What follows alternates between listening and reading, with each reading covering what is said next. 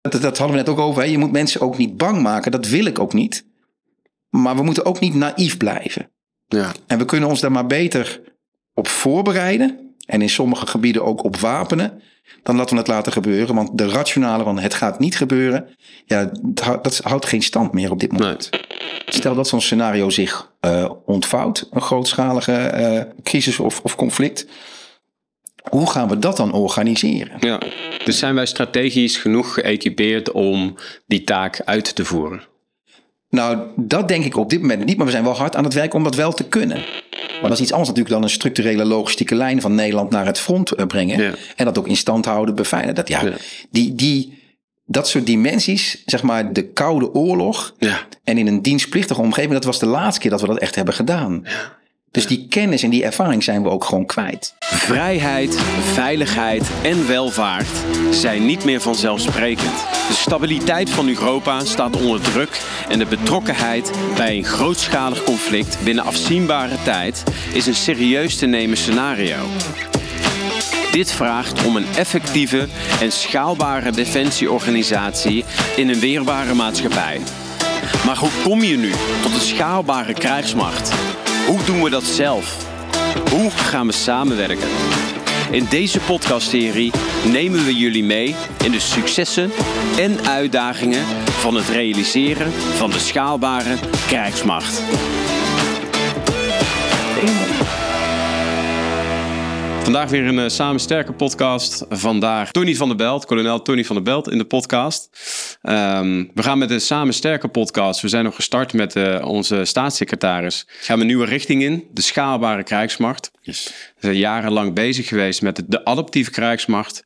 Um, en nu met de schaalbare krijgsmacht, waar onze staatssecretaris ook zijn zorgen uit over de onrust in de wereld en het, wat hem betreft, allemaal te traag gaat binnen Defensie. Ja. Um, ja, en om dit topic in te leiden, hebben we hier aan tafel. Um, jij bent mijn baas. Ik zit Ja. zelfs bij het transitieteam. Leuk hè? Uh, waarnemend programmamanager uh, van het transitieteam, Tony van der Belt. En wat ik met jou wil gaan bespreken zijn eigenlijk uh, drie grote onderwerpen. Mhm. Het waarom achter de schaalbaarheid, hebben we het over urgentie. Ja. Dus waarom, waarom moeten we nu ineens schalen? Ja. En hoe ziet dan zo'n schaalbare krijgsmacht eruit? Um, wij als team hebben de opdracht gekregen om hier invulling aan te gaan geven. Yes. Hoe zien die stappen eruit? Ja. En dan uiteindelijk um, de afronding, de vooruitzichten. Ja. Maar ik ben eigenlijk, voordat we beginnen, ook al benieuwd wie ik dan hier tegenover me heb. Ik ken jou, Ja. maar voor de mensen eh, die jou niet kennen, je hebt een carrière voor Defensie, carrière binnen Defensie. Loop even lekker kort leeg, zodat we weten wie jij bent. Ja. Nou, ik ben Tony van der Belt, waarnemend programmamanager inderdaad. Ik ben 53 jaar. Uh, vader, verzorger van vier kinderen, getrouwd met Yvonne. Ik woon sinds een jaar of uh, tien in het mooie Noord-Hollandse Roeren. En ik heb inderdaad een, een ander verleden bij Defensie dan gemiddeld, uh, op militair. Ik ben namelijk in 1993 begonnen als burger, HR-medewerker bij de Landmacht. Dan heb ik daar allerlei HR-functies doorlopen, inclusief bij Luchtmobiel bijvoorbeeld. Um, en toen ben ik in 2002 ben ik als burger heb ik de organisatie verlaten bij de Landelijke Huisartsenvereniging gewerkt als HR-professional. Toen naar BDO Accountants en Adviseurs gegaan. Misschien wel bekend van het sponsoren van het hockey, een accountantsbureau, maar Mhm. ook een adviespoot. En daar met name aan de HR-kant en de bedrijfskundige kant heb ik uh, het MKB mogen adviseren. Vier jaar lang. Dus uh, buitengewoon interessant, omdat je dan ook zicht krijgt als professional op welke waarde je toevoegt en wat mensen daar bereid zijn voor te betalen. Daar komen we nog wel even op terugdenken in Ja. dit gesprek. En toen ben ik in 2008 benaderd door de luchtmacht uh, of ik uh, officier wilde worden bij de luchtmacht. En toen ben ik in, volgens mij februari eerst burger geworden. En toen ben ik in augustus naar een verkorte KMA-opleiding gegaan. Ja. En toen ben ik daarna gestart bij de HDP, vliegbasis Leeuwarden gedaan, hoofd PNO. En zo langzamerhand via de HDV uh, terechtgekomen in de veranderwereld. HR-kant, bedrijfskundekant, digitale kant, datakant. Wat heeft je het meest aangesproken? Nou, eigenlijk de verandering op zich. Dus ik, ik, ik word op een of andere manier aangetrokken tot zeg maar de vooruitgang uh, in, het bedrijf, in, in deze mooie organisatie. Uh, maar ik moet wel zeggen, de, de tijden die ik had op de vliegbasis Leeuwarden, om echt zo'n deel te zijn van zo'n kleine community, waarbij je met elkaar van alles uh, voor elkaar krijgt, dat sprak me heel erg aan. Um, ik vond ook werken aan de visie op de vijfde generatie luchtmacht. Ik ben een jaar lang de adviseur geweest van de CLSK. en in dat jaar hebben we die, die visie ontwikkeld. Dat vond ik erg interessant. Eh, en vanuit dat perspectief ben ik begonnen met data science. En toen kreeg ik zeg maar de ruimte om binnen deze organisatie eigenlijk een bedrijf op te richten wat nog niet bestond. En dat was ook heel erg leuk. Waar denk je dat de mensen die jou kennen, ja, hoe, hoe zouden ze jou typeren? Eh, gedreven, doelgericht, tikkeltje eigenwijs. Eh, ook wel humor, denk ik. Eh, maar vooral gedreven, denk ik. Ja. Ja. Ik denk dat dat wel naar voren Ja. komt. Dat denk ik, dat hoop ik. Ja, nou, dat herken ik wel. En gepassioneerd. Ja, ja gedreven, ja. Ja, nee, en, en met passie. Ja, Ja, ja. Daar hebben we met een collega een keer over gehad. En dat vind ik ook trouwens, ik vind passie ook heel belangrijk. Want passie eh, is voor mij belangrijk omdat dat je daarmee veel meer intrinsiek aan iets of iemand verbonden bent. ja. Je kunt rationeel erg verbonden zijn, maar er ontstaat meer energie als je passie bij iets hebt. Ja. En passie mag ook gepaard gaan met emoties. Eh, en dat maakt voor mij niet uit eigenlijk hoe dat eruit ziet. Eh, en dat vind, ik, dat vind ik wel een kwaliteit aan mensen. Dus ik, ik om, omring mij graag met mensen die passie hebben. ja. Mooi. Klopt. Ja. Mooi. Het transitieteam CDS. Ja. Waar valt het onder? Wat is het? Wat doet het? Ja, nou het transitieteam CDS, dat suggereert al hè, dat, dat het bij de CDS zit. Dat is overigens zo. Dus we zitten eh, formeel ook onder de CDS. Eh, nou, het heeft een, toch wel een wat langere geschiedenis, daar zal ik niet helemaal op ingaan. Eh, maar het is uiteindelijk bij de CDS gekomen om vanuit een ander perspectief naar organisatieontwikkeling te kijken. Om zeg maar een zijlicht te zijn, om, om de, de verandering in de organisatie die noodzakelijk is, ook op een andere manier te bekijken. En mijn voorganger, Wendy, heeft hier ook gezeten. Eh, die had al wat ervaring in eerdere fases met het transitieteam, maar die dacht van ja, weet je, ik kan de formele organisatie gaan proberen te organiseren, maar dat had ze gedaan en daar had ze niet meer zo heel veel vertrouwen in. Toen zij heeft toen voor gekozen om met name de lokale initiatieven een plek te geven in de organisatie, om te laten zien, kijk, er verandert wel heel veel. En op zichzelf was dat een succesformule. Ehm, dus dat, dat is gelukt. Maar we hebben ook in die praktijk ook wel gemerkt dat het dan, ook al heb je lokaal allerlei nieuwe dingen, als die niet aanhaken op het beleid of op plannen eh, in onze organisatie, dan is ook wel weer de kans dat dat uiteindelijk weg hebt. Ja. Ehm, Want dat kregen we inderdaad vaak terug. Ook eh, op podcastreacties van wat maakt dat dat vanuit Den Haag aangevlogen wordt. ja, Hè, maar jij zegt nu dat gaat er voornamelijk om dat het op plannen, strategie aangehaakt wordt. Ja. Eh, dat is een van de redenen dat het daar gepositioneerd is. Dat wil niet zeggen dat er niet bottom-up. Nee, zeker niet. Dus wat we eigenlijk dus waar het team oorspronkelijk voor bedoeld was, van, is om, om die lokale initiatieven bottom-up te faciliteren en om ze te laten groeien en te borgen en te schalen. Eh, nou, dat is voor een aantal initiatieven is dat gelukt, voor een aantal initiatieven ook niet. Ehm, en toen hebben we ook de slag gemaakt van als we nu eens iets meer gaan aansluiten. Dus als we die lokale initiatieven meer laten aansluiten op waar we als organisatie naartoe willen, vanuit defensievisie en defensienota, dat was de vorige fase. Om wat meer aan te laten haken, want als je het aan laat haken, dan beklijft het ook. Ehm, en daar waren we mee bezig. Daar waren we ook echt wel succesvol in. Nou, ja, een aantal podcasts gemaakt met Zeker. mensen. Ehm, totdat eh, ehm, een van die projecten die we ondersteunden, eh, in dit geval was het specifiek Sponsored Reserves. Dat begeleiden we ook. Twee van onze collega's, die begeleiden dat. Awa en Sigrid.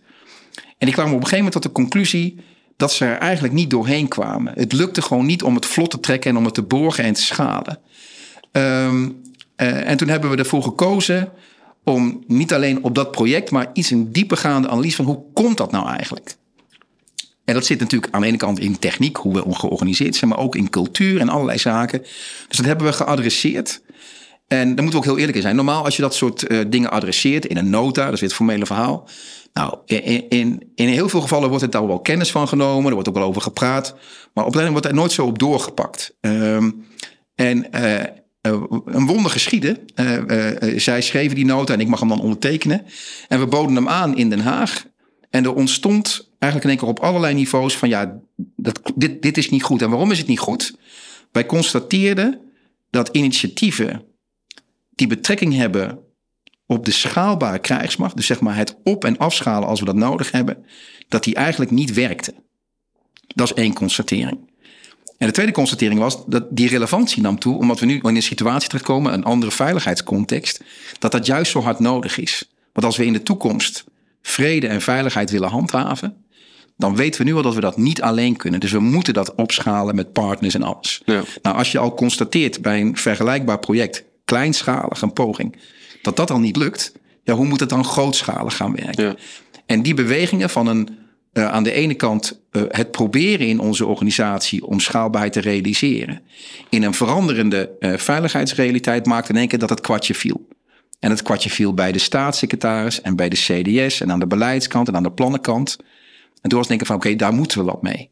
Laten we daar gelijk op doorpakken. Ja. Een stukje urgentie, Ja. want daar hebben we het nu over. Wat maakt dat we nu op schaalbaarheid moeten gaan richten? Het is een grote taak. Ehm, ik hoop in ieder geval dat de mensen die het nieuws volgen... daar in ieder geval uitpikken dat het onrustig is in de wereld... op enkele plekken, hè? met name in Oost-Europa. Ja, en dat zou zich zomaar eens deze kant op kunnen verplaatsen. Ehm, zou jij er eens wat meer over kunnen vertellen? Je bent het op verschillende plekken bij het in zalen aan het vertellen aan mensen. Ja, Ehm, vertel eens wat over die urgentie. What's happening? ja what's happening hè? Ja, nou wat je ziet gebeuren is dat eh, eh, je ziet op een aantal plekken in de wereld zie je nu conflicten ontstaan of voortduren. ehm, eh, op een manier en op een schaal die we eigenlijk niet meer zo goed kennen. Eh, en of ze nou zich al concreet manifesteren, zoals in de Oekraïne eh, en in Rusland, eh, of en misschien lijkt dat verder van ons, in, in de figuurlijke zin verder van ons vandaan, zoals in Gaza en in Israël.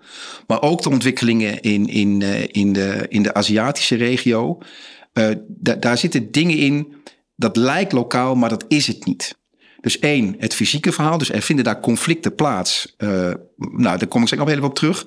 Maar die conflicten manifesteren zich ook in allerlei domeinen die misschien niet zozeer fysiek zichtbaar zijn, maar wel in het digitale domein of in het space domein en het informatiedomein. En die raken ons ook al. Dus je ziet. Dat bedoel je met het lijkt lokaal, maar dat is het Maar niet. dat is het niet. Dat is één ding. En het tweede is dat die conflicten. eh, laten we dan maar even specifiek ingaan op het conflict in de Oekraïne. Dat gaat natuurlijk over Rusland en Oekraïne. Maar dat gaat ook over de waarden en normen die wij, waar we, die wij in Europa zo hoog achten. Dus, de- dus daar, wordt, daar wordt gevochten voor iets. Ja. Ehm, en dat is natuurlijk een realiteit waarvan we in Europa dachten dat we dat na de Tweede Wereldoorlog hadden afgesloten. Dat onafhankelijke naties elkaar eh, met geweld zouden bestoken. eh, en hun eigen integriteit ter discussie en hun eigen autonomie ter discussie zou stellen. Maar dat is niet meer zo. En het interessante was, en ik, we hadden het daarvoor de podcast heel even over. ehm, dat die realiteit eh, die wij zo graag zien in Europa, die, die verandert. En, en een voorbeeld daarvan is toen ik, eh, ik was in het najaar van 2021 in voorbereiding op mijn missie in Irak. Dus ik was veel onderweg, ik moet natuurlijk allerlei opleidingen doen, allerlei eh, dingen. En op een gegeven moment belt mijn dochter belt mij op. Ik heb twee dochters, mijn ene oudste dochter belde mij op. En normaal belt ze mij op, want dan moet ze ergens naartoe en dan moet ik er rijden of ze heeft iets nodig. Ja. Maar ze belde nu op en ze was heel bezorgd. Want ze, ze zag in het nieuws of eh, in de kanalen die zij gebruikt om nieuws te krijgen, dat Rusland een grote hoeveelheden troepen mobiliseerde aan de grens met de Oekraïne. Dus ze belde me op, want ja, ik ben natuurlijk militair. En zei van, god Tony, ik zie dat allemaal gebeuren. Eén, is het nieuws waar? Hele goede vraag in de huidige tijd. Ik zei, ja, Ja. het is echt waar. Zegt ze, ja, ik maak me daar heel erg zorgen over, want gaat daar nou een oorlog plaatsvinden? En ik weet nog heel goed dat ik tegen haar zei van, lief schat, eh, dit is wat je noemt eh, deterrence. Hè? Het is spierballentaal. Ja. Er worden grote troepen worden, worden bewogen in een land, maar uiteindelijk komt het weer tot rust. En dan gaan, Ja. dat was de realiteit in Ja, Europa. showing the force. En drie maanden later zat ik in Bagdad. En ik had daar wekelijks een gesprek met een Iraakse generaal over opleiding en training. Helemaal niet relevant. En op een gegeven moment viel Rusland, viel Oekraïne binnen. En toen had ik in één keer met hem een gesprek over van ja, wat vind je daar nou eigenlijk van als Nederlander, als NAVO? Wat gaan we daar nou mee doen? En die vraag en het antwoord wat ik aan mijn dochter gaf van één, dat gaat niet gebeuren, draaide in één keer om van ja, het komt nu wel heel dichtbij. Hetgene wat daar gebeurd is, is dat de partijen, of met name het, het Russische element daarin. Ik benader dat zelf ook vanuit een rationele kant. Dat gaat hij niet doen. Zo stom zal het niet zijn. Hij gaat dat niet meer doen. Zo voor, maar hij doet het wel. Ja. Ehm, Wat, wat, wat is dat dan? Als het niet vanuit een rationele kant. nou, dat, dat, dat, dat zegt dus iets over dat hoe wij staan. Hoe wij in Europa inmiddels met elkaar vergroeid zijn. En dat we niet meer geloven in het militaire conflictmodel. Dat is, dat is, dat is onze rationaliteit. Ja. Maar aan de andere kant van Europa is een andere rationaliteit. En helaas is dat waarheid geworden. Dus we kunnen niet meer zeggen van nee, het is een hele hoop wapen, of het is een hele hoop uh, fus, maar er gebeurt niks. Nee, er gebeurt wel iets. In Azië met China. Kijk, China laat er geen uh, gas over groeien. Die vinden dat Taiwan bij China hoort. En zij zijn zich nu letterlijk aan het opwerken om daar, uh, ieder geval om daar agressie aan te tonen. En daar zijn ze ook gewoon heel openlijk over. Ja, ja dat kunnen we nu negeren vanuit, ja, dat gaat toch niet meer gebeuren. Maar ja, dat is dus maar de vraag. En de aanwijzingen zijn gewoon heel concreet. Dus staat het dan bij ons op de stoep? In ieder geval in het fysieke domein niet. Maar in het cyber of in het space domein of in het digitale domein zeker wel. Wat, wat zou dat kunnen betekenen voor Nederland bijvoorbeeld? Nou, dat je bijvoorbeeld ziet dat, dat met aan de cyberkant de agressie toe gaat nemen. En dat die onze uh, uh, kritieke infrastructuur gaat beïnvloeden. Laten we dat maar eens even, laten we maar eens even neutraal verwoorden. Mm -hmm. uh, onze water, on, we zijn natuurlijk afhankelijk in onze waterhuishouding, de elektriciteit, digitale netwerken, alles wat we hebben. Waar uh, iedereen op vaart. Waar iedereen op vaart. Uh, Logistiekenbedrijven, ja. um, noem maar op. Ja. ja, alles. Dus je ziet dat die wereld aan het veranderen is. Hè? De Noordzee was tot voor kort waar alles doorheen ging. En oké, okay, we bouwden nog wat waterparken, nog wat uh, wind, windmolens. windmolens. Ja. Maar dat is nu gewoon een actief gebied waar we denk ik bijna dagelijks patrouilleren om de boel daar veilig te houden. Met alle verbindingen die daarin liggen, gas, water, maar ook hè, digitaal. Dus je ziet gewoon dat het dichterbij komt. En dat, dat hadden we net ook over. Hè. Je moet mensen ook niet bang maken. Dat wil ik ook niet. Maar we moeten ook niet naïef blijven. Ja. En we kunnen ons daar maar beter op voorbereiden. En in sommige gebieden ook op wapenen. Dan dat we het laten gebeuren. Want de rationale van het gaat niet gebeuren. Ja, dat houdt geen, dat, dat, dat, houdt, dat houdt geen stand meer op dit moment. Nee. Als je jouw verhaal vertelt, ja. uh, want ik zie je, uh, je bent hier echt op aan het hameren. Ja. Hoe komt het, denk je, dat het toch niet helemaal valt? Hè? Dat, in ieder geval, dat hebben wij als transitieteam uh, mogen ervaren, dat niet bij iedereen dat kwartje Ja. helemaal valt. Waar, waar komt dat, denk je, vandaan? Nou, dat heeft een paar oorzaken, denk ik. Kijk, op de eerste plaats is het natuurlijk ook best wel een scenario, een werkelijkheid waar je nog best wel moeilijk je hoofd omheen krijgt. Ik had ooit eens een keer een commandant die dat zei van Tony, eh, dat is een goed verhaal, ging over iets al heel anders. Maar ik krijg mijn hoofd er niet omheen. Anders, ik kan het me moeilijk voorstellen. Ja. Ik denk dat dat, uh, dat, dat, dat dat zo is. Een ander verhaal is natuurlijk ook, en dat is ook waar, dat we nog geen eenduidig verhaal hierover hebben. He, je ziet natuurlijk wel ons leiderschap, dus als het nou gaat over de minister, of de staatssecretaris, of de SG, of onze CDS. Elk op hun eigen momentum uh, zenden ze deze boodschappen wel op woorden van gelijke strekking. Um, uh, maar maar dat, ja, dat, dat, dat is nog zo fragmentarisch en ook nog wel zo voorzichtig, denk ik. En misschien ook wel voor een deel wel terecht. Dat dat nog niet landt. Laat staan intern. Want dat is gewoon, hè, dat hebben we ook. We hebben best wel veel interviews gehouden. En daar merk je ook dat, dat er is nog geen corporate story over. Uh, en natuurlijk merk je wel dat, dat heel veel collega's van ons zich daar bijna dagelijks in verdiepen. Maar dat wil nog niet zeggen dat er een eenduidig beeld bij is. En zolang er nog geen eenduidig beeld bij is en ook nog geen eenduidige richting, ja, kun je ook van mensen ook niet verwachten zeggen: oké, okay, dan gaan we die kant op. Dit zijn gewoon constateringen die overal in het nieuws voorbij komen. We hadden ja. het erover in Boekstein en de Wijk. Ja. Uh, daar komt het naar voren. Onze CDS geeft het regelmatig Ja. aan. Er wordt duidelijk gezegd: um, binnen uh, drie tot vijf jaar zouden we in een grootschalig conflict kunnen zitten. Ja, wat maakt dan dat dat toch niet helemaal. Want dat is toch al bijna een uh, corporate story. Dat is toch. Nee, het is ook wel een corporate story, maar het wordt pas een corporate story als je hem ook zo uitzendt. En, en uh, uh, ik, ik, denk, ik denk oprecht dat het ermee te maken heeft dat, uh, wat ik net aangaf, één, mensen krijgen hun hoofd er niet omheen. Ja. Dat is natuurlijk ook niet het meest vrolijke scenario waar je aan kunt denken. Het heeft ook best wel een impact op alles. Uh, dus, en, en zolang je die boodschap niet zendt, niet duidelijk zendt, en ook misschien wel niet binnen onze organisatie vertaalt in prioriteiten. Ja. Ja, dan zijn er natuurlijk ook nog heel veel andere prioriteiten. We hebben ook gesprekken gevoerd uh, met mensen. Zeg, nee, nee, ik heb ook wel beeld bij dat dat, uh, dat dat belangrijk gaat worden, dat het ook urgent is. Maar ja, ik heb ook de, de dagelijkse gang van zaken. Dat moet ook gebeuren. Ja.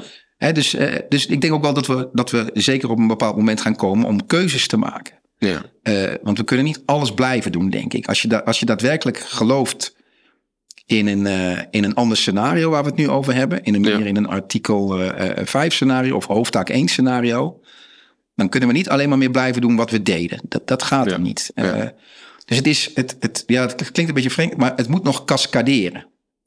Uh, um, dus de momenten dat die boodschappen nu uit die zijn er wel aanwezig, zijn ja. nog wat minder georchestreerd. Vooral nog wel aan de externe kant, nog wat minder aan de interne kant. En we hebben aan beide hebben we te doen. Ja. Want we kunnen het ook niet alleen. Dus, daar, dus, dus we zijn nu ook bezig om na te denken over hoe kunnen we die corporate story dan wel creëren. Ja, En hoe zetten we daar de juiste mensen voor aan de paal om dat ook te gaan zenden. ja, Ehm, eh, want ik snap ook wel, dat is ook wel een stuk reflectie. Zolang dat nog niet gebeurd is en je ziet een hele enthousiaste kolonel met heel veel passie daarover praten, dan kun je daardoor geraakt worden. Je kunt ook denken van ja, ja. ja, dat is leuk van de bel. Ik wil er trouwens nog één ding over zeggen. En waar haal je dan die informatie vandaan? Ehm, en dat is ook grappig. En jij gaf al een voorbeeld aan bij Boekenstein en de Wijk. Maar bijvoorbeeld deze week alleen al heeft de Belgische CDS heeft hele duidelijke signalen afgegeven. Gewoon publiekelijk, hè? dat is niet geheim. ja. Je ziet in Zweden een publicatie over home defense. Met een context waarin ze denken, je ziet natuurlijk bijna wekelijks geluiden uit Finland en de, de Baltische Staten. Dus je hoeft niet eens, eh, eh, eh, je hoeft niet eens in, zeg maar in, de, in, de, in de geheime omgeving te duiken om te zien. Nee. Volgens mij is de CDS ook twee of drie weken geleden bij een, een, een denktank geweest in Berlijn. Ja, daar waren de geluiden heel, heel duidelijk. Het wordt gewoon openlijk gecommuniceerd. Ja. ja. Ehm, en je ziet ook wel in andere landen ook wel bewegingen. In Duitsland is heel actief om nu na te denken over hoe ze dat gaan doen. ja. Nou, de Scandinavische landen en Finland zijn sowieso al actief. Ik denk wel, wat wel meespeelt nog één, nog wat dieper daarop ingravend. Ehm, want veel mensen zeggen, ja, kunnen we dan niet kijken hoe ze dat dan in Finland en Zweden doen? Of, en dat is ook wel zo, daar leren we ook wel van. We hebben zelfs een teamlid die daarop afstudeert, zullen we maar zeggen. Ja, die komt ook nog in de podcast. Die komt nog in de podcast, Annelies. Punt is alleen wel dat die landen ook echt wel een strategisch andere context en een andere cultuur hebben. En wij hebben natuurlijk een, een, een relatief pacifistische cultuur. We zijn natuurlijk ook al decennia lang veilig. Hè? Eh, eh, dus dat is ook een ander verhaal. Dus we moeten ook een verhaal vinden wat bij ons past. Ja. En ik denk dat dat eh, als, als Waar lang mensen antwoord... hun hoofd wel omheen Ja, dus, dus we moeten een verhaal maken wat recht doet aan de realiteit. En die ziet er niet zo heel erg florisant uit. Nee. Eh, maar we ook niet wa- waardoor we mensen ja, helemaal gaan verliezen. Want ja, dan Nee. sluiten ze ook niet aan. Nee. Nee. En dat is nog wel zoeken, denk ik. Ja. Maar ik vind bijvoorbeeld ook de staatssecretaris in het interview hier. Ja. Of, de, of de, had van de week had hij een, eh, eh, volgens mij een filmpje over hoe, hoe het met infra gaat in Defensie. Ja, daar zegt hij deze dingen gewoon. We moeten, klaar, we moeten ons klaarmaken. Ja. Ja. ja, hij was heel uitgesproken. Ja, Ja. Eigenlijk zijn we er al een klein beetje op in aan het gaan. Hè. Ehm, je noemt al verschillende eh, krijgsmachten die ermee bezig zijn. Ja. En die hebben allemaal een andere cultuur. Toch hebben we een NAVO. Ja. Dat is ook wel heel interessant om daar nog even naar te kijken. Ja. Ehm, maar eh, als we het hebben over de schaalbare krijgsmacht. eh, het is een term. Ehm, wat is een schaalbare krijgsmacht? ja. Ik zal proberen ook de context even te schetsen. We hebben straks bij een, een grootschalig conflict... hebben we internationale verplichtingen. We hebben nationale verplichtingen. En beide inspanningen moeten ondersteund worden door een ondersteunend apparaat. Dus het is internationale verplichtingen, nationale verplichtingen. En we hebben een ondersteuningsrol. Dus die internationale en nationale verplichtingen en met de ondersteuning daarbij. ehm, als je die verplichtingen bij elkaar optelt. Dat is de aanname en ik denk dat dat ook wel zo is. Dan zul je zien, om, om aan beide verplichtingen te kunnen voldoen. Daarvoor is onze organisatie in het meest brede zin niet voldoende geëquipeerd. Als het gaat over mensen, eh, middelen. eh, hè, dat is dan de banale opsomming. eh, verbindingen. Nou, je kunt het zo gek niet benoemen. We hebben materieel nodig. We hebben lines of communications nodig. Nou, onze huidige organisatie is daar niet op gedimensioneerd. Waar zijn- zit dat, waar zit dat hem in? nou, omdat wij natuurlijk tot en met voor kort een expeditionaire krijgsmacht waren... die met name vanuit hoofdtaak 2 Ja. elders vrede en veiligheid brachten. Ja, En niet zozeer vrede en veiligheid voor onze alliantie en ons eigen land. Dat was niet de focus. Hè. We brachten het goede nieuws elders, zullen we zeggen.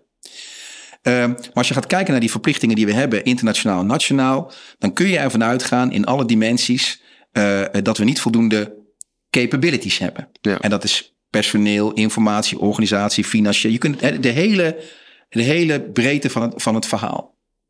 Dus dat betekent ook, als je dat in die taken wel wil realiseren, dan komen we dus tot de conclusie dat we dat zelf niet kunnen. Dat is denk ik de basisconclusie. En als je het zelf niet kunt, dan moet je op momenten dat je het nodig hebt, effecten aan je organisatie kunnen toevoegen en ook weer kunnen afvoeren als je het niet meer nodig hebt. En dat is in de kern schaalbaarheid. Ja. Flexibel. Het gaat flexibel. Ja, het gaat dus niet over de basisorganisatie die je altijd hebt. Maar als je meer moet doen, moeten er elementen aan toegevoegd kunnen worden. En die kunnen zo breed en zo diep zijn als je wilt. En op het moment dat het dan de-escaleert, moet je ook weer kunnen afschalen. Ja. Dat is in de kern een schaalbare organisatie. Wat voor elementen zouden daar in potentie in kunnen zitten? Je kunt denken aan uh, uh, de logistiek. Je kunt denken aan uh, gewonden vervoer en verzorging. Je kunt denken aan goederen op zich, ja. voorraden. Maar je kunt ook denken aan daadwerkelijk, en dat zijn we natuurlijk intern mee bezig, dat je schaalbaarheid kunt realiseren in je eigen organisatie. Er wordt nu gesproken over het veelbesproken HR-model, wat vier schillen heeft, het vier schillen model. Maar het betekent dus ook dat je schil 1 gaat aanvullen vanuit schil 2 en schil 3 en schil 4. Ja. Dat is ook schaalbaar. Maar wat je wel ziet, het heeft natuurlijk ook mentaal een H, dus een belangrijk element is HR, dus personeel, Mhm. maar het is veel breder dan dat. Ja, je kan heel veel reservisten, uh, er bij wijze van spreken, we zaten in 1992 op een krijgsmacht van 200.000 Ja. man, nu op 41 geloof ik. Ja, ah, ietsje, ietsje meer. Ietsje meer. Ietsje meer. Ehm, nou, laat zeggen 45. Eh, als wij ineens eh 40.000 reservisten erbij krijgen, dan hebben we ook 40.000 broeken, jassen, wapens, helmen, et cetera nodig. Ja, en dat is nog allemaal zeg maar in de, ehm, in de directe sfeer. Hè? Dus ja, iemand moet een uitrusting hebben, moet een wapen hebben en moet, eh, alles moet hebben. Ja. Maar hoe breng je nou die troepen van A naar B? Ja. Hoe hou je dat in stand? Uh, hoe zorg je voor de af- en aanvoer van troepen? Uh, hoe verhouden het land, zee, luchtdomein zich tot elkaar? Hè, want dat, dat, dat zijn dingen. In het, daar hebben we natuurlijk. Want als je kijkt naar de afgelopen decennia. Met uitzondering van één of twee gaat het natuurlijk vooral om. De luchtmacht gaat daar iets doen. En de Ja. marine gaat daar iets doen. Ja. En de landmacht gaat daar iets doen. Heel expeditionair. Ja, en, en, en dat gaat straks en grootschaliger zijn. Ja. En meer met elkaar. Uh, en dan ook nog eens je internationale taak, maar ook nog eens je nationale taak. Want host nation support, koninkrijkszaken en bewaken en beveiligen van, kriti van kritieke infrastructuur. Ja, daar zijn, we gewoon, daar zijn we gewoon helemaal niet mee bezig op die schaal. Nee.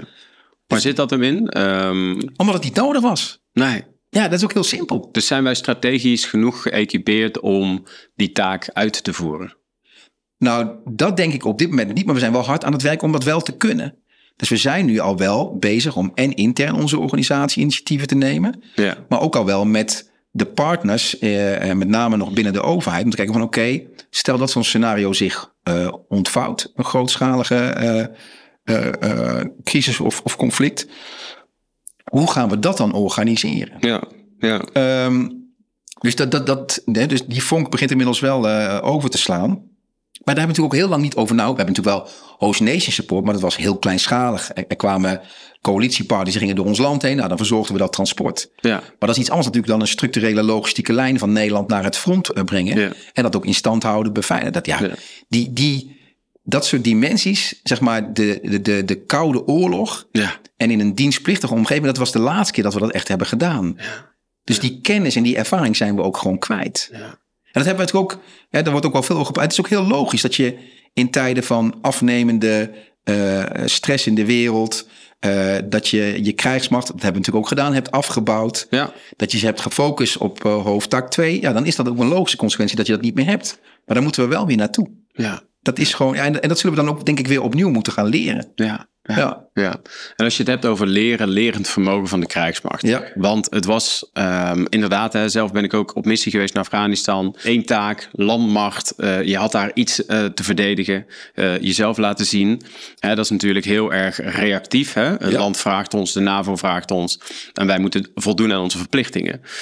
Maar willen wij strategisch gaan opereren, samen, uh, met elkaar. Ja. Wat, is daarvoor, wat, wat is daarvoor nodig volgens jou? Nou, in ieder geval al een andere mindset en andere plannen. Hè, want we, we zijn nu ook, hè, dat, misschien dat we daar zo nog heel even over gaan hebben. Wat gaan we nou de komende tijd doen met het transitieteam? Maar het, het, het, doel is ook straks dat we niet zeg maar een opko gaan vragen om na te denken over zijn of haar rol in Ja. het conflict. Ja. Nee, we gaan het domeinen bevragen. Ja. Omdat we zien dat de marine heeft input vanuit mariniers op het landdomein. Uh, uh, uh, de landmacht heeft weer impact op het luchtdomein met een aantal dingen die zij doen. Dus, dus je zult dat uh, opnieuw met elkaar moeten gaan bekijken. En letterlijk het concept ontwikkelen. Hè? Wat betekent het nou straks als eenheden naar bijvoorbeeld het Oostfront gaan? Hoe Ja. gaan die dan opereren? Maar hoe vertaalt het dan ook naar de combat support en combat service support naar Nederland? Ja. Daar zijn we nu pas over aan het nadenken. Ja. En Maar liggen die plannen niet al lang klaar bij de NAVO? Nou, de, de plannen die het NATO Force Model voorziet wel in een soort van strategie in verschillende fases met verschillende middelen. Ja. Uh, maar ik weet ook dat op het moment dat je al die landen bij elkaar zet en zegt van nou, hoe gaan we dat nou eens doen in, uh, Ja. ergens in, in het oosten? ja, dan krijg je eh, even zoveel meningen als dat er landen zijn. Ja. Eh, dus laat, hè, dus, dus, maar dan is het in ieder geval wel goed dat we zelf een idee hebben over hoe we het zouden willen aanvliegen met onze partners of wat zo even. Ja. Maar ook, ook, dus ook internationaal is dat nog een exercitie. Ja, ja. De opko-gedachte loslaten en de domeingedachte, dat is wat ik je constant hoor zeggen. Ja. Welke domeinen spreken we over? Je hebt net al een paar gezegd. Ja, ja en we laten de, Want dat is wel nieuw hè, binnen, Ja. binnen Defensie. Dus, eh, Laten we daar heel even kort op ingaan. Ja, omdat, omdat ehm, ehm, als je straks succesvol wil optreden, en volgens mij heb je ook wel eens een, een podcast over gehad, het multidomein optreden, dat zegt het eigenlijk al. Dus dan praat je eerder in effecten dan, eh, dan, in, dan meteen in middelen. Ehm, en, en dat betekent dat je, als je het domein land of het domein space of het domein cyber, dat is breder dan alleen maar het cybercommand of het space, hè, de space Ja. entiteit of de landmacht of de luchtmacht. Dus we proberen ook, sorry, met die benadering de partijen ook al zeg maar in de ja, concept, planvorming al bij elkaar te brengen. Dat ze zich realiseren dat ze er niet meer alleen voor staan. ja. En ik denk dat in het verleden bij die expeditionaire missies was het vaak, oké, jij gaat er als landmacht naartoe, regel dat. En natuurlijk, soms waren er samenwerking met lucht, en met helicapaciteit, maar over het algemeen was het nog best wel klein. Maar dit is niet meer klein, dit Nee. is alomvattend. Ja. Dus dan zul je ook in je, in je strategie, in je beleid en in je plannen moet je al gaan samenwerken. Niet alleen intern, maar in mijn beleving zul je dat ook daar ook al met externe partners moeten gaan. Ja. Dus ook als je zeg maar daadwerkelijk in een collectief van veiligheid of een whole of society approach, hè, daar zijn we nog naar aan het zoeken. Ja. Maar dan zul je die partijen ook al moeten meenemen in je strategie, in je beleid, in je plannen en daarna in je uitvoering. Ja, ja, ja, ja. Dus dat vraagt heel veel. Zou, kun je eens een effect, eh, eh, verschil tussen effecten en, eh, gaf je net aan, en de inzet van, wat zijn nou effecten en... Effect of capabilities. Ja, precies. Nou ja, je, je kunt bijvoorbeeld ehm, eh, de toegang tot een bepaald gebied. Ja. Dat is een effect dat als je dat wil beperken. Hè, dus dan mogen bepaalde, of in de lucht, of op land, of op zee. Dat kun je mensen ontzeggen. Hè, zo noemen Ja. we dat dan. Dat is het effect. Hè, dat je mensen ontzegt van die ruimte gebruik te maken. Maar als dat het effect is wat je wil bereiken. Dan kun je het natuurlijk op honderden manieren doen. Ja, Maar met als- verschillende... Met verschillende. Maar als ik zeg tegen de landmacht, regel dat voor mij, dan zullen zij dat landcentrisch doen. Maar je kunt het misschien ook wel via de lucht doen, via space doen. Ja. Eh, misschien ook nog wel met, met, met, met, met capaciteit die anders is. Ja. En het gaat er dus om dat we eh, eerst vanuit het effect gaan denken.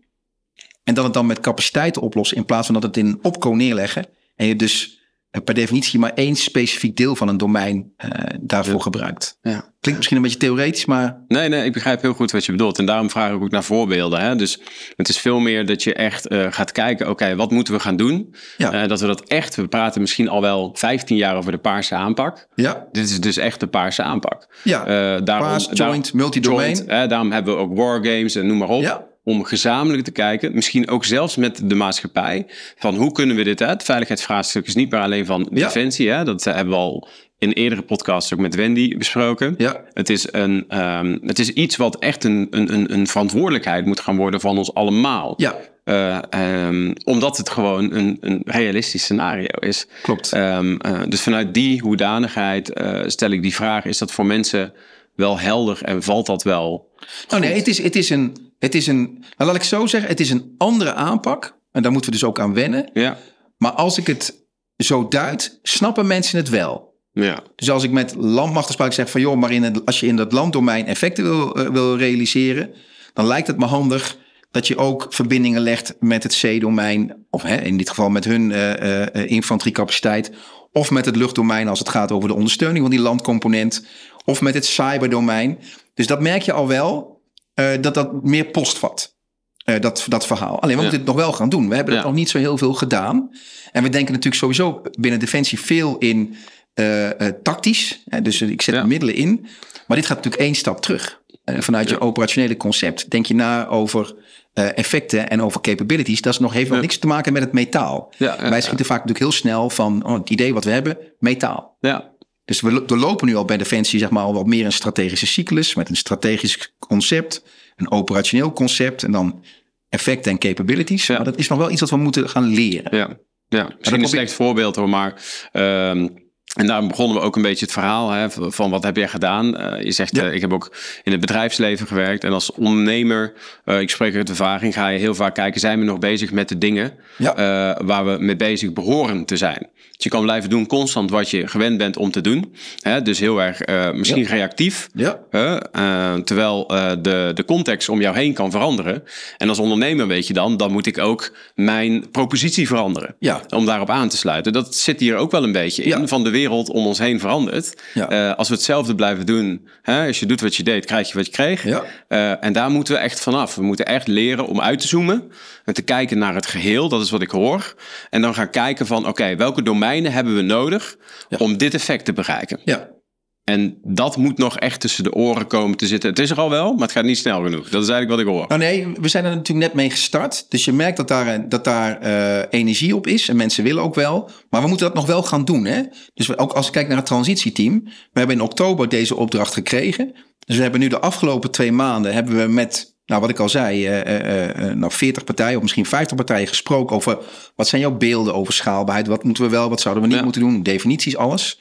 Um, en, en die beelden die gaan we nu gebruiken uh, om uh, de domeinen, zeg maar, inrichtingsprincipes te geven. Dus we geven ze niet, dit is het concept in het nee. domein. Nee, we geven ze inrichtingsprincipes op basis waarvan zij hun eigen domein uh, schaalbaarheid kunnen ontwikkelen. Ja. Dat betekent dus ook dat we ook in de organisatie verschillende concepten gaan krijgen. Ja. Want dat is natuurlijk niet. Kijk, uh, schaalbaarheid in het luchtdomein manifesteert zich anders dan in het zeedomein. Of ja. in het cyberdomein of in het landdomein. En die ruimte willen we mensen ook geven. Dus dat het er nog niet is, hè, en het samenkomen en het ontwikkelen, klopt ook, omdat feitelijk dat ook nog niet aan de gang is. Ja. Wat wij wel willen, is dat we op basis van, van, van die eerste beelden, wij noemen dan, dan de startlijn, dat we begin volgend jaar daar wel mee aan de gang gaan. Ha, tja, soms maak je wel eens een foutje. Deze podcast is namelijk opgenomen in december 2023. Dus ja, als we refereren in deze podcast naar volgend jaar, bedoelen we natuurlijk dit jaar. Veel plezier met luisteren. Ja. Wat wij wel willen, is dat we op basis van, van, van die eerste beelden, wij noemen dan, dan de startlijn, dat we begin volgend jaar daar wel mee aan de gang gaan. Dus dat we ja. de domeinen gaan uitnodigen, of dat we alle partijen uitnodigen, dat we ze die inrichtingsprincipes gaan meegeven en dat ze op basis daarvan hun schaalbaarheid gaan ontwikkelen. Ja. Dat... Voordat je naar die vier fasen gaat, ja. ik wil nog een klein stapje terug. Uh, je gaf net aan, uh, er zijn gesprekken geweest. Ja. Um, is er een rode draad te ontdekken uit die gesprekken? Ja. Um, zou je daar eens iets over kunnen vertellen? Ja, er is een rode draad. Is dat, je, um, dat er nog geen uh, eenduidig beeld is over belang, urgentie en inhoud. Oké. Okay. En dat is eigenlijk het belangrijkste wat we eruit halen. Daarnaast komen nog allerlei andere conclusies. Dat dingen nog niet op elkaar aansluiten. En hè, dat we dat beter moeten doen. En dat het ook in sommige opzichten sneller moet.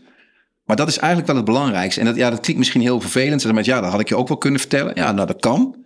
Maar het is goed om dat eerst eens even van de mensen te horen. Ja. Van welke beelden spelen er dan? Ja, sommige mensen denken van ja, ik denk dat we het met deze organisatie makkelijk kunnen. Anderen maken zich heel veel zorgen. Ja, dat gaat nooit lukken. Ja. De ene zegt ja, en op het moment dat het dan een conflict is, dan zien ze mij hier nooit meer terug. Dan ga ik weg. En ja, wat er in Nederland gebeurt, dat weten we dan niet. Anderen zeggen van nee, we moeten dat samen doen. En we kunnen niet zomaar ja. het voorterrein inrennen.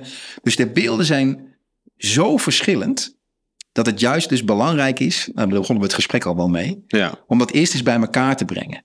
Van wat is dan bijvoorbeeld, wat is dan de definitie van schaalbaarheid?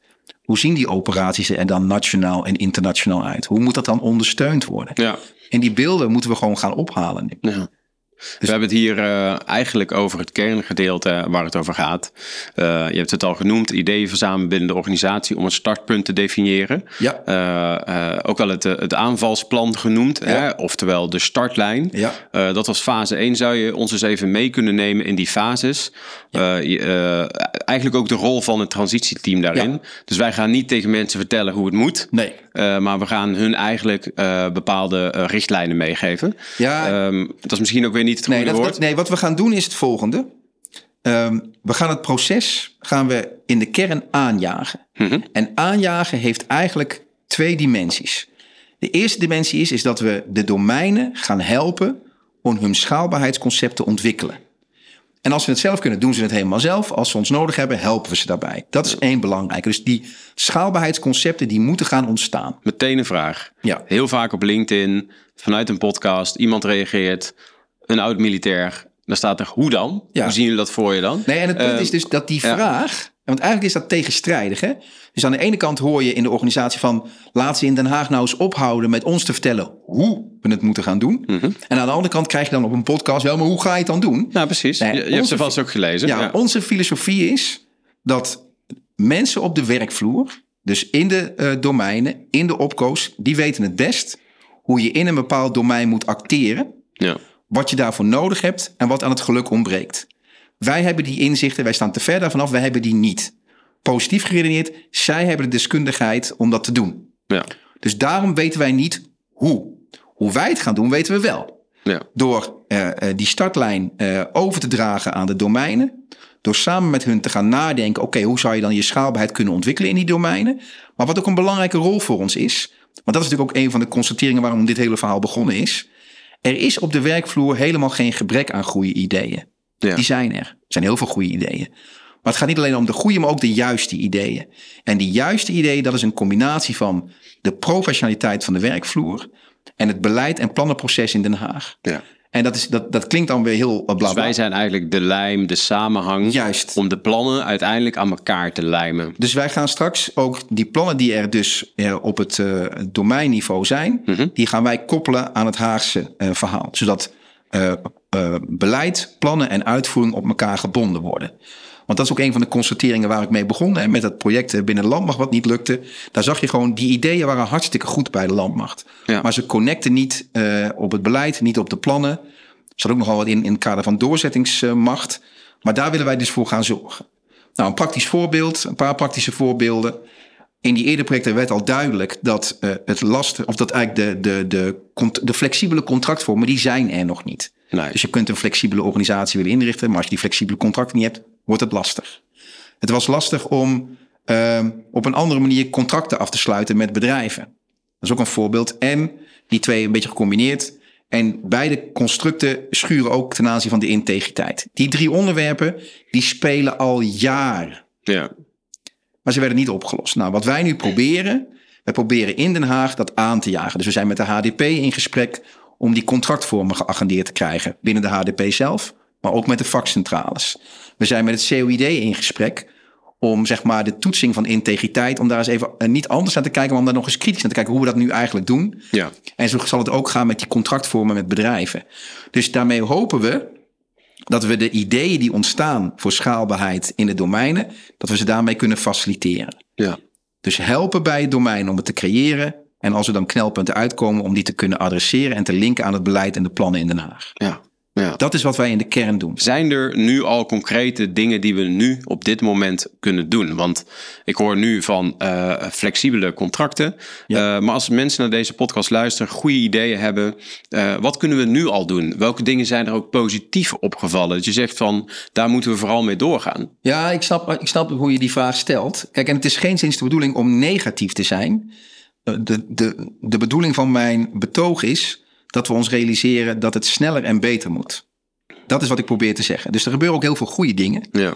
Ehm, maar het is nog niet zo dat het in die zin beklijft dat we daadwerkelijk met elkaar werken aan die schaalbare krijgsmacht. Dat zijn Nee. allemaal nog kleine dingetjes. Ja. Dus wat we, wat we, daar ben ik gewoon van overtuigd. Wat we moeten doen, is dat we op korte termijn onze internationale verplichtingen, pardon, onze nationale verplichtingen en onze support, die moeten we heel snel gaan concretiseren.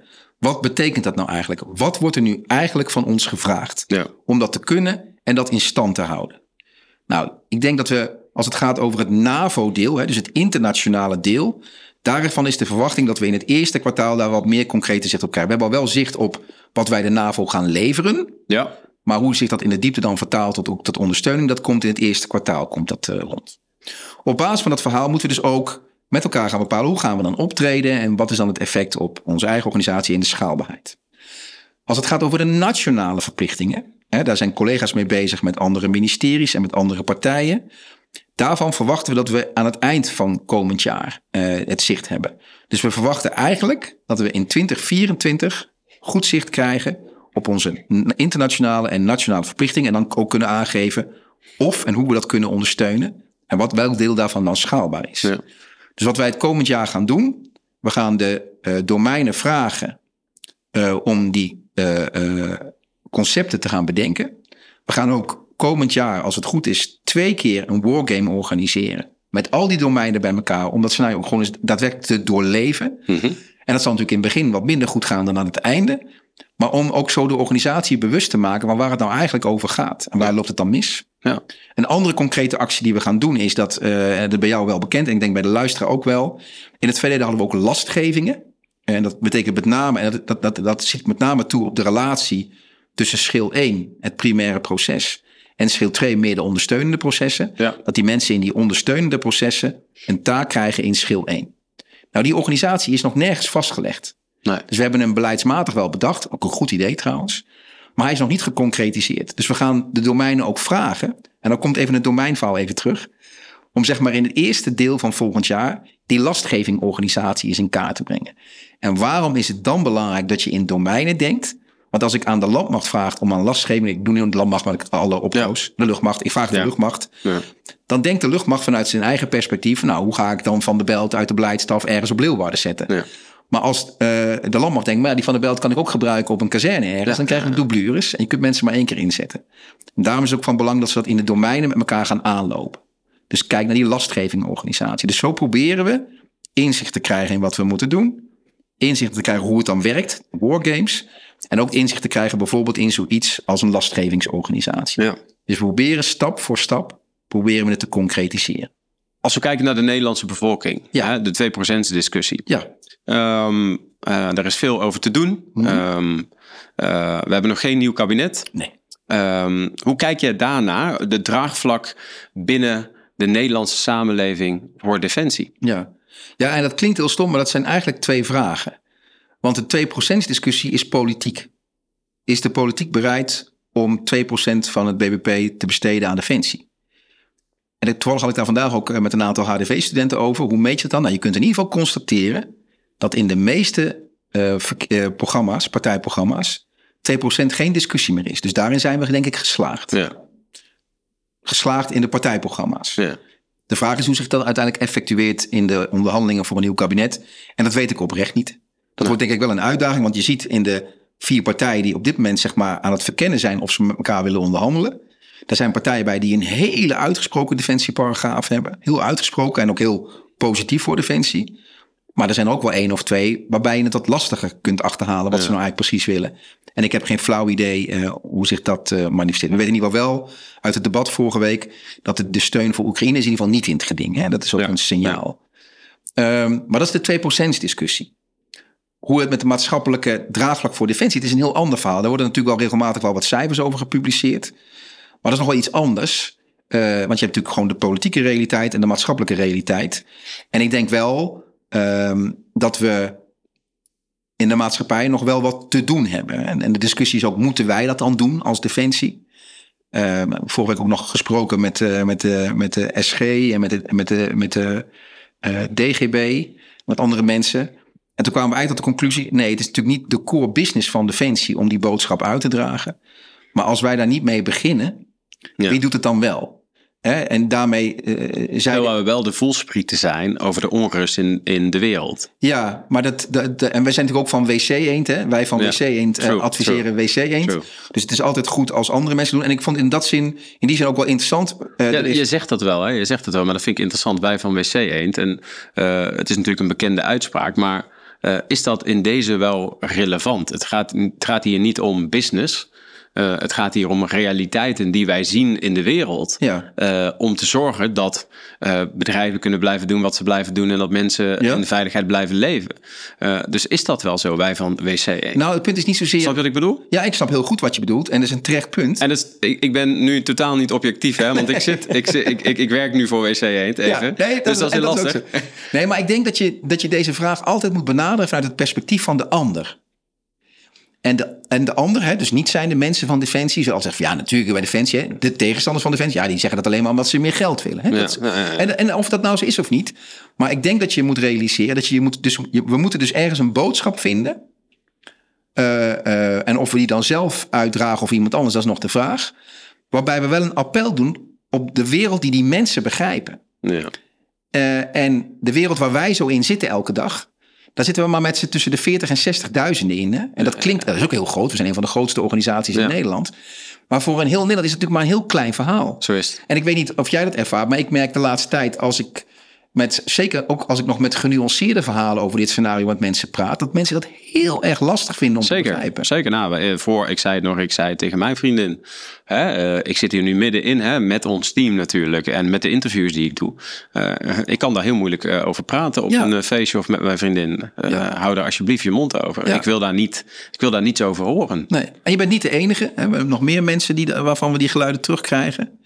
Niet alleen uh, buiten het bedrijf, maar ook binnen onze organisatie. Maar ik denk dus dat je um, voor, zeg maar, voor, dat, um, voor het betrekken van die maatschappij, of het nou de overheid is, of bedrijfsleven, of kennisinstituten, daar moeten we echt goed over nadenken over hoe en wanneer en met welke inhoud we die boodschap sturen. Ik, ik vond het mooi voorbeeld. Er was de topdag uh, een aantal maanden geleden.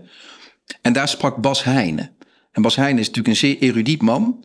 Wijsman ook. Je zou kunnen zeggen van de linkse elite in Nederland. Hè. Dat, dat noemde hij trouwens zelf zo. Dat is niet mijn persoonlijke ja, essayist. Um, en, en hij gaf ook aan, hij gaf zijn ontwikkeling ook aan. Hij zei, ik was natuurlijk aan de linkse kant. Nou, ik had nog net geen gebroken geweertje op mijn revers.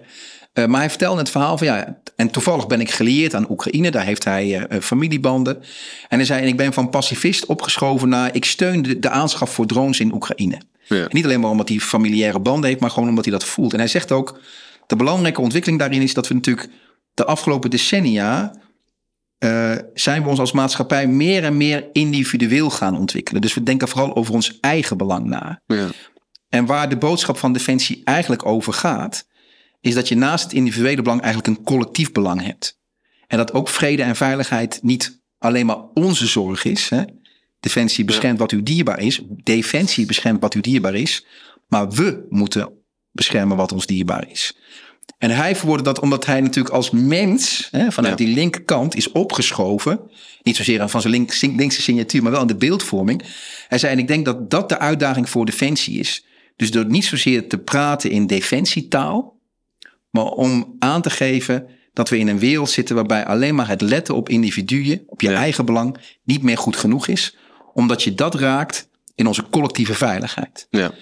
Dus als je dat bedenkt, dan moet daar eigenlijk de boodschap over gaan naar andere partijen. Ja. En dat wij dat vervolgens voor onszelf militair vertalen, ja, no shit Sherlock, Ja. dat moet ook. Ja. Maar als wij die militaire boodschap alleen maar sec verkopen, ja, dan krijgen mensen hun hoofd niet omheen. Dus van een eiland naar een weiland. Ja, Ja. en dat is voor ons ook echt wel lastig als organisatie. Want we zijn natuurlijk best wel intern gericht. Met ons eigen vocabulaire en ons eigen geloof. Ja. En, Voor mij, voor mij, gewoon om het even heel, heel praktisch en even eh, als een soort van misschien.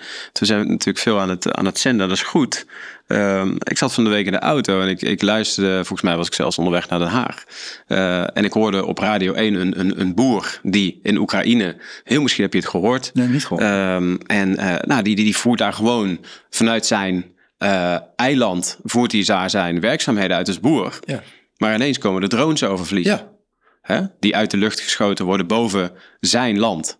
En dan wordt het wel heel, dan hoor je een Nederlandse boer praten. ja, En dan ineens, dan, dan, dan, tenminste bij mij, mij raakte dat. ja, Ik dacht van, hé, hey, dan komt het wel ineens heel dichtbij. ja. Hè? Eh, en dat hoor ik hier ook een beetje uit. Ik weet, weet natuurlijk niet wat zijn politieke voorkeur Nee, nee, nee, was eh, toen hij in, in, in Nederland woonde, als hij ooit in Nederland zijn, zijn, Ja. zijn eh, bedrijf heeft uitgevoerd. Maar dat, toen kwam het wel heel dichtbij. Ja. Hij zei, ik vang nu mensen op op mijn landgoed. Er worden drones uit de lucht geschoten boven mijn boerderij. En dan hoor je een Nederlandse man, die hoor je praten. Ja. En dan komt het ineens dichtbij. Ja, en het interessante is dan nog natuurlijk dat hij woont daar. Hè, bijna letterlijk aan de frontlinie. Ja, Eh, laten we er nog eens even vanuit gaan dat, we, dat wij in Nederland niet direct aan die frontlinie eh, Ja. gepositioneerd zijn. Dus dat maakt het ook nog genuanceerder. ja. Dus hè, in de communicatie is, het eigenlijk, eh, is, het, eh, is, is de stelregel: als je een boodschap hebt, zorg dan ervoor dat die niet te extreem is, want dan gaan mensen niet reageren. Ja. Zorg dat hij niet te dichtbij mensen is, dat hij niet, dan gaan ze niet reageren. Dus we moeten ergens een boodschap eh, in het momentum en met inhoud vinden, waardoor mensen getriggerd worden. Ja. En, en, en dat verhaal wat Bas Heijnen vertelde, da, daar gaat het eigenlijk over. Van mensen realiseer je dat je individuele leven en hoe je dat denkt te ga- gaan, eh, hoe, hoe je daarover denkt, dat gaat de komende tijd veranderen. En dan zullen we meer naar het collectieve moeten. Ja. En dat, zijn, dat, dat is taal. En dat is de boodschap die mensen veel beter snappen. Dat moet je natuurlijk concreet maken. Hè? Wat betekent dat dan? Ja. Ehm, want als we alleen maar in de taal van defensie blijven spreken, dan gaan we dat niet overbruggen. ja. Dus, daar dus daar moeten we ook echt heel goed over nadenken. Het is wel bijzonder eigenlijk hè, dat we kijken naar eh, een Tweede Wereldoorlog. Eh, dat we na de Tweede Wereldoorlog was het allemaal armen in één. En dat we naar dat eh, collectivisme Ja. gingen. Al heel gauw werd dat weer individualisme. Je zag het ook aan de schuttingen bij mensen Ja. die opgetrokken werden. En ik in mijn eigen. Ja. en we moeten weer terug naar dat collectivisme. Nou of, we, of we terug moeten, want, want terug, het, het ontwikkelt zich altijd vooruit. Hè? We ontwikkelen onszelf achteruit. Want Ja, de mooi. wereld, mooi de mooi. wereld is ook altijd zoals die is. Ja, Ehm, maar dat je in die nieuwe wereld het element van collectivisme brengt. En dat zal een andere vorm hebben dan 40 jaar geleden. ja, Maar dat zal er wel moeten zijn. En het besef dat als je inderdaad zelf een goed leven wil leiden. Dat je dat ook, dat, dat dat beter wordt als je dat vanuit een collectief perspectief bekijkt. ja. En dat is een, nieuw, en dat is een uitdaging. want In het ziet- nieuwe perspectief. want je ziet natuurlijk dat het steeds meer uit elkaar drijft. Ja. Eh, en, en de bubbels drijven uit elkaar. Maar dat is wel de uitdaging. En, en gelukkig zijn wij in de omstandigheid dat we fysiek niet getroffen worden, min of meer. Ja, Maar zo'n boer, hè, Ja. want het is een groot land natuurlijk, Oekraïne, hè, mind you. Maar dat, dat maakt het in één keer heel concreet. Ja. En ik denk ook wel dat er in Nederland, eh, nou stel dat eens een keer eh, het internet uitvalt, door, niet zozeer door de pech, ja, maar door een daadwerkelijke cyberaanval. ja. Ja, dan wordt het voor mensen in één keer heel concreet. Eh, en ik hoop dat het zover niet hoeft te komen. Ja. Dat, we, dat wij ook eigenlijk slim genoeg zijn om eh, een boodschap te kunnen brengen die niet alleen maar stand houdt omdat het in één keer enorm escaleert. Maar dat we daarvoor de taal en de verbinding vinden om mensen daarin mee te krijgen. ja. Want anders zijn we ook denk ik al wel een beetje te laat. ja. Ehm, maar het is wel onze verplichting en uitdaging om die woorden wel te vinden. ja. En ik vind wel onze SG, onze nieuwe SG, en die komt natuurlijk ook van buiten Defensie. En ik denk dat hij daar ook, hij maakt er ook een speerpunt van, hè, of het nou Whole of Society is. Hij noemt dat het collectief voor veiligheid. ja. Dus daar zijn we ook mee bezig om die taal eh, ja.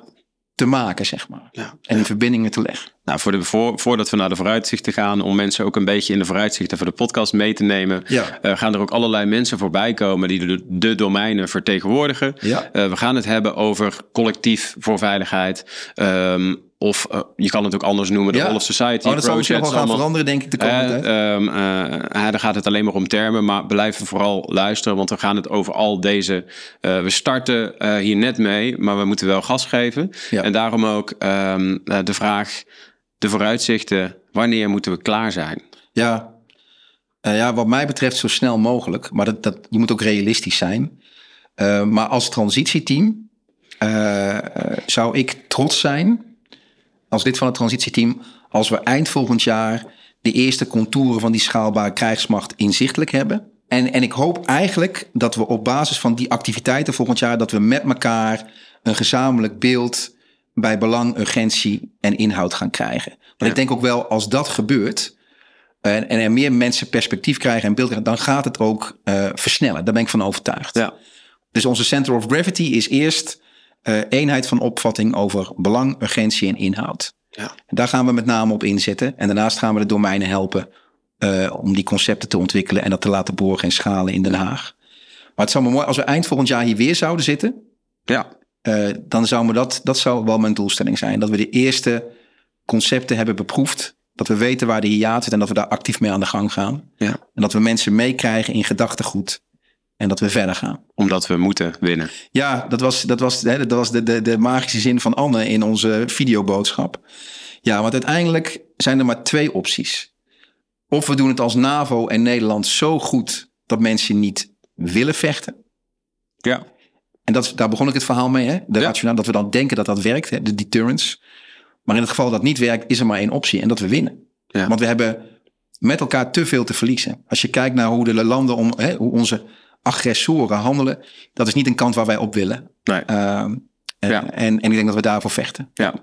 Ehm, waarschijnlijk, ik zeg even waarschijnlijk, want planningstechnisch met een podcast is het natuurlijk altijd wel een beetje Ja, dat is een weer uitdaging. lastig, hè, Danny? Ja, dat is weer lastig. Maar eh, waarschijnlijk eh, wordt de volgende podcast wordt, eh handbouwmeester. Ja. Ik moet ook heel eerlijk zeggen, na bijna 20 jaar Defensie, bij Defensie te werken, ook in het operationele veld, was ik erg onder de indruk van zijn presentatie laatst. Ja. Ik ben ook heel erg benieuwd als, als het gaat om urgentie, want daar sluit je net mee af, want we moeten ook winnen. Er Ja. is onrust en ik ben heel benieuwd wat hij in zijn podcast daarover gaat vertellen. Dus mensen wil ik echt uitnodigen om eh, waarschijnlijk de volgende podcast, misschien Ja. die daarna, te gaan luisteren. Is er nog een vraag die ik jou had moeten stellen, eh, die ik niet gesteld heb? Nou, ehm, ik, snap, ik snap dat mensen ook sceptisch zijn over het verhaal wat ik vertel. Of wat er eh, door andere mensen ook verteld wordt. Dat snap ik ook echt wel. Want één, het is ook geen leuk verhaal. Ehm, en misschien heb je er ook een andere mening over. Ehm, wat ik mensen zou, waar ik mensen zou willen oproepen, dat had je me kunnen vragen, hè, wat zou je mensen willen oproepen, is dat als deze podcast uitkomt en je vindt er iets van, laten we dan proberen vanuit dat collectieve gedachtegoed constructief te zijn in de feedback. Mooi. Ja. Dus het helpt mij, ik denk ja, misschien dat het jezelf helpt om daar dan op te, op te, eh, op te voeteren of niet. Maar laten we het debat voeren met elkaar, het gesprek voeren met elkaar. En als je vindt dat ik niet gelijk heb, dat ik onzin klets, vertel me dat dan gewoon. Maar ga met me in gesprek. Zo is het. En dank je wel. Ja, dankjewel.